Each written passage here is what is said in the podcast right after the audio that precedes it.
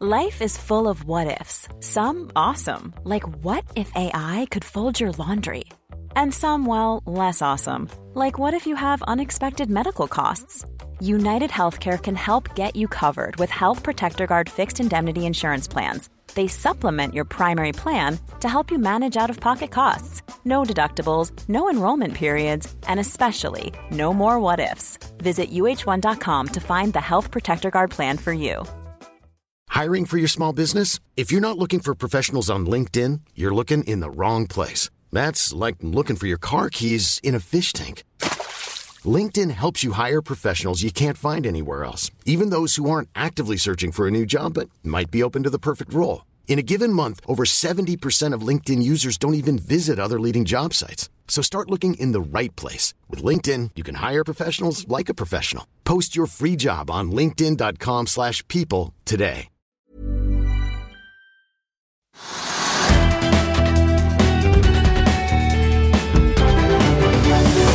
Velkommen til Økonominyhetene. I dag skal vi se nærmere på hva som rører seg på Oslo Børs. Vi skal se innom Europa, Asia og USA-børsene. Vi begynner altså her hjemme. Og I dag er det en relativt god eller sterk, solid børsdag, opp 1,3 Trygve. Hva er det som sender markedet opp i dag? Ja, for det første så er det slik at eh, De amerikanske børsene var ganske sterke på fredag. og Så åpner de amerikanske børsene opp i dag samtidig med oss, sånn rundt halvannen prosent. 1 til halvannen prosent. Og så har de europeiske børsene i vært opp 2-3 Det er en veldig sterk økning. så Verden ser lysere på situasjonen, og eh, det er ikke da spesielle årsaker til det, tror jeg. Det er liksom Man nærmer seg valget i USA, hva skjer der? Så kommer det stadig noen små drypp om at det er liksom nye vaksiner for koronapandemien osv. Det er positivt. Hvis folk tror det at man kan begynne å reise igjen og få mer aktivitet, så er det positivt. Og hvis flyselskaper tror det at de kan få mer business ved at man da finner enten en vaksine eller en behandling etterpå, det er positivt. Uh, og så kan du si ja, Oljeprisen som angår det norske markedet, er det viktig? Ja, oljeprisen er litt opp, ikke mye. Litt opp 42 dollar og 30 cent eller noe sånt. Så det er litt opp, men ikke mye. Uh, så jeg vil tro det er, det er, en sånn generell holdning i verden, plutselig, av en eller annen årsak, som ikke jeg kan uh, gi svaret på. At liksom alt er litt lettere. Det kommer til å være bedre i aksjemarkedene. Og det kan igjen kanskje henge sammen med det at folk sier at rentene er at det er så dårlige tider mange steder, at rentene vil forbli lave. Og når rentene er så, er så, lave, så har de ikke noe annet å gjøre enn å lete etter eh, aksjer i aksjemarkedet og sette pengene i aksjer. Men det kan det også være sånn Vi har jo hørt dag ut dag inn om at eh, koronatallene eller smittetilfellene av korona øker i alle verdens land. Det er veldig lite, tegn, veldig lite tegn til nedgang ja. også her i Oslo, hvor alt er rødt. Eh, er det litt overraskende egentlig at vi ser denne oppgangen i dag? Det kan jeg for lite om, men det er ikke det overraskende, det, altså, overraskende på børsen? Eller? Ja, altså, Burde man ikke ta mer inn over seg at nå, det er faktisk eh, Vi Nei, lever jo... nå i et samfunn som går inn i en influensasesong med korona på toppen? Ja, men altså, Når aksjemarkedet er opp, da er folk mer, mer optimistiske og diskonterer fremtidige inntekter til i dag. Eh, og mange, tyder, mange, ting tyder på, hvis du går i Europa og USA, på at liksom denne koronapandemien ikke er over. At det er fremdeles ille, og at det blir flere og flere som smittes. Også i Norge, også i Oslo, som du sier. Det er rødt overalt. Eh, og Regjeringen har jo sagt at Oslo kommune er jævlig trege med å liksom innføre nye restriksjoner. slik at Mange steder i Norge, i Frankrike, i USA, i Italia så er det stadig verre. Det er flere og flere smittede og, flere, og større problemer. Da, da vil jo på en måte man på et eller annet tidspunkt innfører så mye restriksjoner på økonomisk aktivitet, reiser, komme ut og inn av leiligheten din, bare gå en meter eller gå 50 meter for å lufte bikkja, at det vil på en måte presse aksjemarkedet ned. Men vi er ikke der nå. Av en eller annen mystisk grunn så ser folk litt mer optimistisk på tilværelsen. Og børsen over hele, altså hele Europa er jo opp 2-3 Det er veldig mye. Oslo Børs da jeg gikk ut nå, så Oslo Børs opp 1,3% Det er mye. Og oppgangen i USA er veldig sterk. Så jeg, jeg har ikke noe svar på hvorfor det er slik. Så la oss da heller gå over til de aksjene som faktisk stiger i dag. Det er en aksje vi har snakket mye om den siste tiden. Nell for en liten åtter i dag. 5% opp akkurat nå. Ja, jeg har ikke noe svar på det heller, annet enn at uh, det er veldig mange som tror på hydrogen. Og det er mange som da sier at uh, man har overdrevet de, uh, de faresignalene som kommer fra USA, i og med at motparten eller samarbeidspartneren i USA som skulle produsere disse lastebilene som skulle gå på hydrogen. Nicola. Nicola at den der påstanden om at det var svindel og bedrag, og kursen har falt masse, og den er shortet osv. At folk tror at hydrogen kommer. Regjeringen sier at hydrogen kommer, og mange andre land sier også at hydrogen kommer. Og man da tenker seg da det at okay, da, dette problemet med Nicola er kanskje overdrevet, og det ikke, at det vil bli bedre. Og så satser man da på Nell. Dessuten så er også Nell blitt en veldig sterk tradingaksje. Slik at folk har sett at den har gått litt ned, og så en liten korreksjon, og så kjøper man opp igjen og håper kanskje da å være med 5-10 og så hopper man av igjen. Kanskje. Tradingaksjer må man jo kanskje også si at disse nye Aker-babyene har vært. Eller for noen, kanskje. Fordi Aker-systemet tok jo da Aker Offshore Wind og Aker Carbon Capture på børs for en liten tid siden. Og i løpet av den tiden så har aksjen gått 20-50 Ja, det har gått for mye. Eh, og vi ser nå at de får en liten nedgang. I dag er Aker Offshore Wind ned 10 Aker Carbon Catcher faller 6-7 eh, Vi hører Nordnett sier at noen av kundene deres har bestemt seg for å ta gevinst i aksjene, til tross for at grønne aksjer er veldig hot. Ja, men Det syns jeg er eh, en god beskrivelse. Det er jo åpenbart at Enten var da prisingen i markedet altfor lav, det tipper jeg at den var litt, de la, seg litt lav for å få en pen oppgang. Og så har oppgangen i kursene vært veldig sterk. og det er ikke noe rart at om noen som har liksom tegnet de aksjene, kjøpt de aksjene i markedet, at de da trader ut og tar en profit nå. Det syns jeg er helt naturlig. Og oppgangen har vært 20-30 Det er veldig mye. Så, men om hvordan det vil gå videre, aner man jo ikke noe om. Altså, liksom, hvis alle skal ha grønne aksjer og øh, den type aksjer, og da vind og sol og, og, vannkraft, så vil de kjøpe den type aksjer fremover. og Da, da er ikke den oppgangen over. Men at noen tar en profit, det forstår jeg. Ja, og så har vi en annen aksje, eh, Bergen Bio, som stiger 4% i dag. Og på nyheten om at selskapet skal gjenoppta en koronastudie i Storbritannia, der de også ser økte smittetall. Ja, det, det kan jeg ikke nok om. Men altså, ikke, skal, de, altså, Bergen Bio skal ikke lage en koronavaksine. De er på en eller annen test på et eller annet apparat som de har interesser i, som kan brukes i en eller annen form for behandling av koronasykdommen, tror jeg. Ikke, ikke vaksine. Men markedet syns det er veldig fint at det kommer noen meldinger om da, det at de skal opp, opp et samarbeid som de har hatt med selskap i Storbritannia. Dagens vinneraksje er eh, Instabank og Rak Petroleum.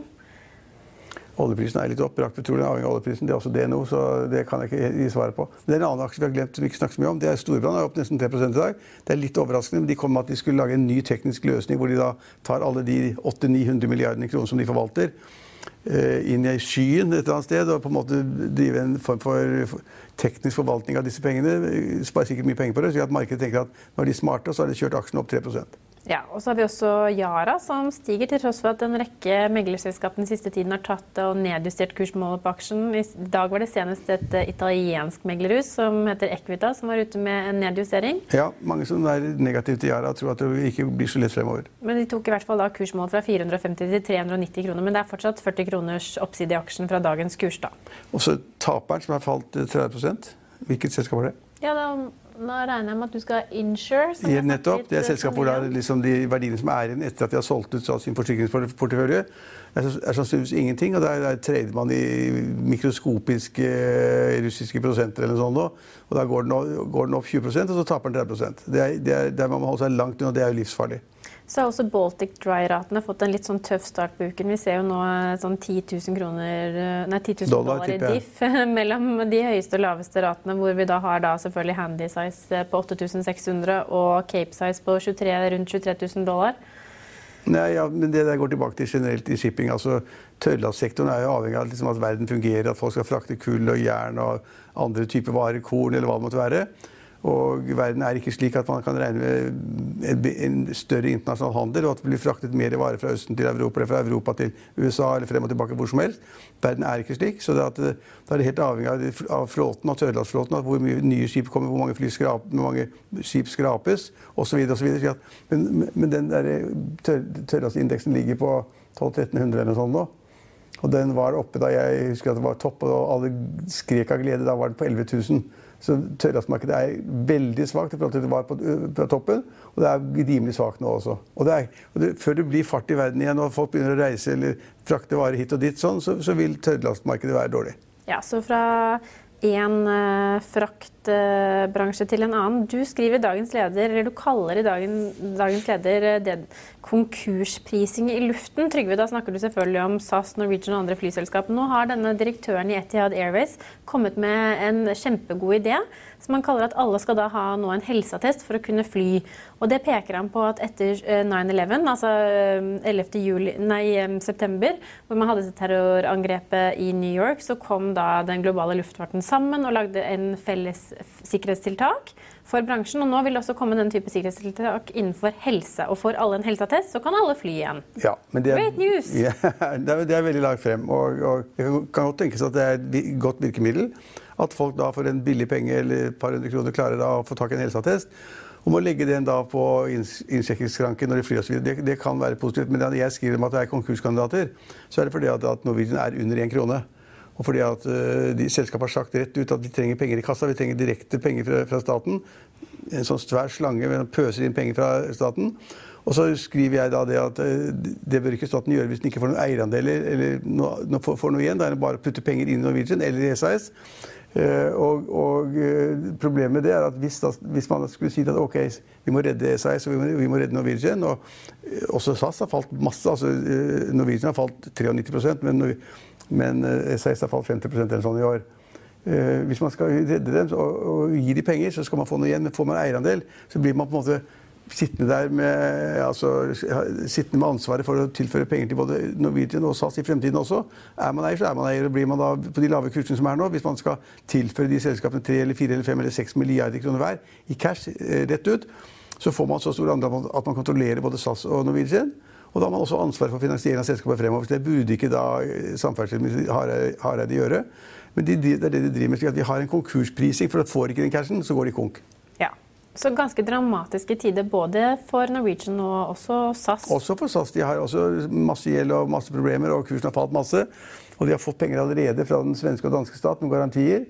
Men de sier begge selskapene de må ha mer. Og nå må de ha cash. Det nytter ikke å komme mer lån og mer garantier. Kontanter, takk, sier de for å da betale regningene sine over vinteren. Og det ser litt dårlig ut akkurat nå. slik at regjeringene både Danmark, Sverige og Norge er, er på en måte tvunget opp til et hjørne. Gi penger med til flyselskapene for at de skal overleve, men hva, de, hva blir motytelsen fra selskapene og aksjonærene i de selskapene i dag? Ja, og Det sitter de kanskje og regner på akkurat nå. Ja. Men eh, bare tre-fire dager etter at Norges Bank var ute og sa at de forventet mye høyere boligprisvekst enn de har lagt til grunn tidligere, faktisk så mye som 16 i løpet av de neste tre årene, så kommer Finanstilsynet med en innstilling om innstramming av denne utlån- eller boliglånsforskriften. Og Trygve Hegnar, hva tenker du om en, et forslag til innstramming? Nei, nå vet jeg jo det at Finanstilsynet er alltid engstelig. De mener at husholdningen tar opp for mye gjeld. Du og andre tar opp låner for mye penger. De kjøper biler og hus og andre gjenstander og klær og det måtte være. Det mener Finanstilsynet. Det har de ment i årevis, og det mener de fortsatt. Og de er redde for såkalte finansielle ubalanser. Så de sier det at eh, du og andre kjøper for mye boliger, og dere finansierer for mye boliger i bankene. Og Før så kunne man da kjøpe inntil fem ganger brutto årsinntekt. Man skulle finansiere en bolig. Har de, har de foreslått, Det er ikke bestemt noen ting, de bestemmer nemlig ingenting. De bare er overvåkningsorgan. Finanstilsynet foreslår da 4,5 ganger bruttoinntekten. Det er en nedgang fra 5 eh, og Det skal Finansdepartementet da avgjøre etterpå. og Kanskje Stortinget, det er jeg ikke sikker på, men jeg tror det er Finansdepartementet som skal avgjøre det. Og så I tillegg så har det altså vært slik at bankene har hatt en kvote, en pott, som de sier at liksom, du søker om lån, men så, du, så, har du på en måte søker om mer enn det da denne boligforskriften skulle tilsi. Altså mer enn fem ganger eh, din bruttoinntekt så kan de gjøre avvik fra det. Og Tidligere kunne de da gjøre avvik for 10% av lånesøknadene, som da for Oslo var 8% og Nå foreslår Finanstilsynet at man skal gå ned til 5% for hele landet. Så de vil da på en måte så vil de at man skal låne mindre, og det skal være mindre unntak fra bankene. Bankene skal, skal utøve mindre bankskjønn. Så det er det de er betalt for å gjøre. De er banker. Men Finanstilsynet sier at nei, vi stoler ikke helt på det. De er for, lett, de er for lett, litt for flinke, snille mot låntakerne og gir for mye lån. Så de får ikke lov til å da bruke det skjønnet så mye, så de skrur igjen på det. Og så skrur de igjen på andelen de skal få lov da, altså andelen av, av, av hvor mange ganger årsinntekt du skal få lov å låne. Men tror vi at de kommer til å få gjennomslag for disse forslagene til innstramning? Det er dagens gode spørsmål. Eh, altså, en slik innstramming vil jo åpenbart gi en effekt på boligprisveksten. Det er klart at Sist gang det kom en boliglånsforskrift, så så man jo en umiddelbar effekt på Men Det betyr at du og andre som låner penger til bolig, får låne mindre. Og når du har mindre penger i hendene, så kan du by mindre for boligene. slik at det kan være en demper på prisveksten at du da innfører den forskriften. For det er mindre penger på kjøpersiden til å betale med. Så det er, på den annen side kan du si at Hvis rentene holder seg så lave som de er nå veldig lenge, så kompenserer de jo litt for det. Men, men, hvis den forskriften går igjennom, altså den nye forskriften, så vil den tror jeg, dempe litt på markedet. altså Oppgangen blir lavere. Men du får ikke noe fall i boligprisene heller. fordi at Alt tyder på vi har snakket om det før, at eh, tilbudssiden på, på nye boliger er for lav. Det blir ikke bygget nok. Det betyr at prisene vil tendere oppover. Og så har du press på boligene nedover hvis da på, på en måte der boligforskriften går fra 5% til 4,5% Så det er vanskelig å si.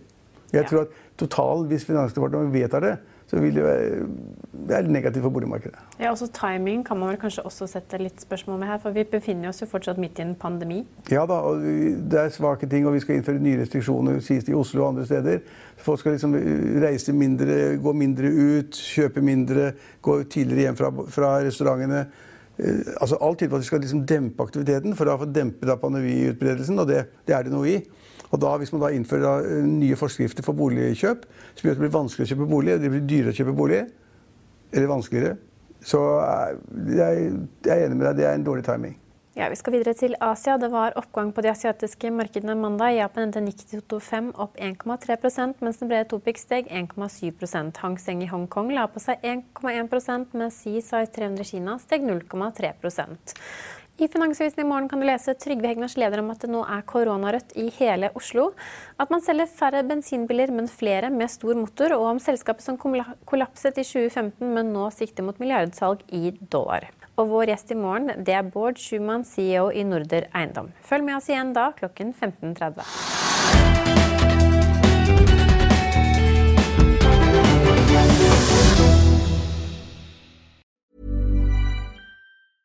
Imagine the softest sheets you've ever felt. Now imagine them getting even softer over time. That's what you'll feel with Bowl and Branch's organic cotton sheets. In a recent customer survey, 96% replied that Bowl and Branch sheets get softer with every wash. Start getting your best night's sleep in these sheets that get softer and softer for years to come. Try their sheets with a 30-night guarantee. Plus, get 15% off your first order at bowlandbranch.com. Code BUTTERY. Exclusions apply. See site for details. Planning for your next trip? Elevate your travel style with Quince. Quince has all the jet setting essentials you'll want for your next getaway, like European linen, premium luggage options, buttery soft Italian leather bags, and so much more. And is all priced at 50 to 80% less than similar brands. Plus, Quince only works with factories that use safe and ethical manufacturing practices. Pack your bags with high-quality essentials you'll be wearing for vacations to come with Quince. Go to quince.com slash pack for free shipping and 365-day returns.